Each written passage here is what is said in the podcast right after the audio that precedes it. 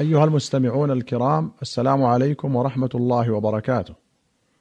أخرج مسلم عن أبي هريرة أنه سمع رسول الله صلى الله عليه وسلم يقول: من سمع رجلا ينشد ضالة في المسجد فليقل لا ردها الله عليك فإن المساجد لم تبن لهذا. وأخرج مسلم عن بريدة أن رجلا نشد في المسجد فقال من دعا إلى الجمل الأحمر فقال رسول الله صلى الله عليه وسلم لا وجدت. وفي رواية قال الواجد غيرك إنما بنيت المساجد لما بنيت له. قوله من دعا إلى الجمل الأحمر أي من وجد الجمل الأحمر فدعا إليه صاحبه ليأخذه. وأخرج البخاري ومسلم عن أبي هريرة أن عمر مر بحسان وهو ينشد الشعر في المسجد فلحظ إليه. فقال قد كنت أنشد فيه وفيه من هو خير منك. ثم التفت إلى أبي هريرة فقال أنشدك الله أسمعت رسول الله صلى الله عليه وسلم يقول أجب عني. اللهم أيده بروح القدس. فقال اللهم نعم. قوله لحظ إليه اللحظ هو النظر بشق العين الذي يلي الصدغ. وأخرج البخاري عن السائب بن يزيد قال كنت قائما في المسجد فحصبني رجل فنظرت فإذا عمر بن الخطاب. فقال اذهب فأتني بهذين. فجئته بهما فقال من أنتما؟ أو من أين أنتما؟ قال من أهل الطائف. قال لو كنتما من أهل البلد لأوجعتكما. ترفعان أصواتكما في مسجد رسول الله صلى الله عليه وسلم. أخرجه في باب رفع الصوت في المسجد. وقوله حصبني أي رماني بالحصباء وهي الحصى الصغار.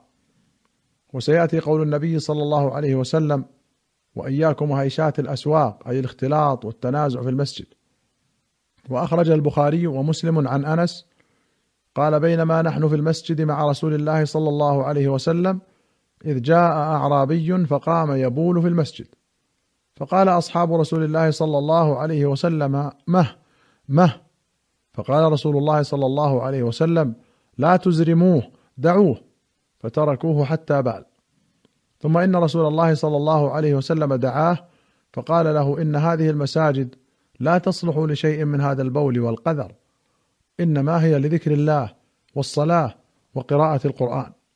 أو كما قال رسول الله صلى الله عليه وسلم قال وأمر رجلا من القوم فجاء بدلو من ماء فسنه عليه.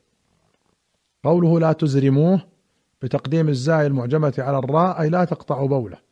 يقال زرم الدم إذا انقطع. وقوله سنه عليه صبه عليه. وأخرج البخاري عن نافع مولى بن عمر قال أخبرني عبد الله أنه كان ينام وهو شاب أعزب لا أهل له في مسجد النبي صلى الله عليه وسلم. وأخرج البخاري عن عائشة رضي الله عنها قالت أسلمت امرأة سوداء لبعض العرب وكان لها حفش في المسجد. قالت فكانت تأتينا فتحدث عندنا.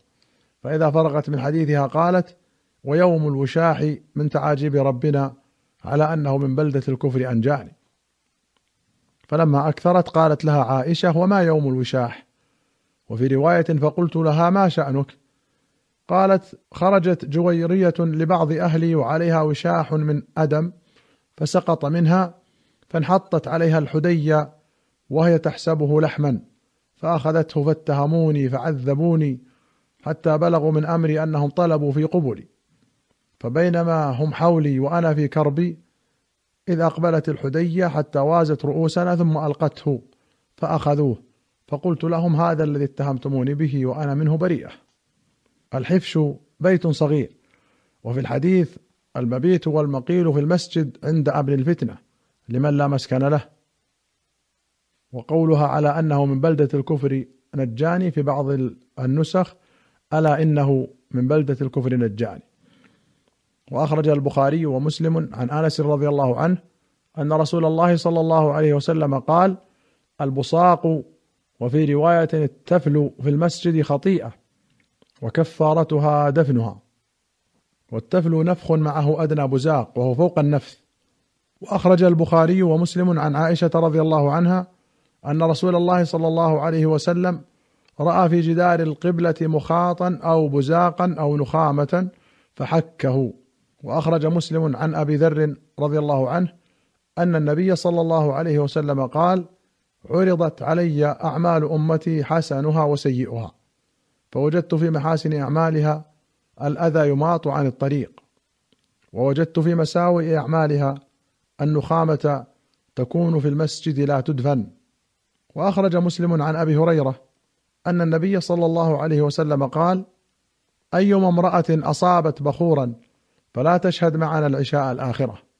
وأخرج مسلم عن زينب الثقفية امرأة عبد الله بن مسعود رضي الله عنهما قالت قال لنا رسول الله صلى الله عليه وسلم إذا شهدت إحداكن المسجد فلا تمس طيبا. وفي رواية إذا شهدت إحداكن العشاء فلا تطيب تلك الليلة. وأخرج البخاري ومسلم عن ابن عمر رضي الله عنهما أن النبي صلى الله عليه وسلم قال لا تمنعوا إماء الله مساجد الله. وفي رواية إذا استأذنكم نساؤكم بالليل إلى المسجد فأذنوا لهن. وفي أخرى إذا استأذنت أحدكم امرأته إلى المسجد فلا يمنعها. فقال بلال بن عبد الله والله لنمنعهن. فأقبل عليه عبد الله فسبه سبا سيئا. ما سمعت سبه مثله قط. وقال أخبرك عن رسول الله صلى الله عليه وسلم وتقول والله لنمنعهن. وفي أخرى قال كانت امرأة لعمر تشهد صلاة الصبح والعشاء في الجماعة في المسجد. فقيل لها لم تخرجين وقد تعلمين أن عمر يكره ذلك ويغار. قالت وما يمنعه أن ينهاني. قال يمنعه قول رسول الله صلى الله عليه وسلم لا تمنعوا إماء الله مساجد الله. وفي أخرى قال قال رسول الله صلى الله عليه وسلم إذنوا للنساء بالليل إلى المساجد. فقال ابن له يقال له واقد إذا يتخذنه دغلا. فضرب في صدره وقال أحدثك عن رسول الله صلى الله عليه وسلم وتقول لا والدغل بالتحريك الفساد مثل الدخل. وامرأة عمر المذكورة هي عاتكة بنت زيد.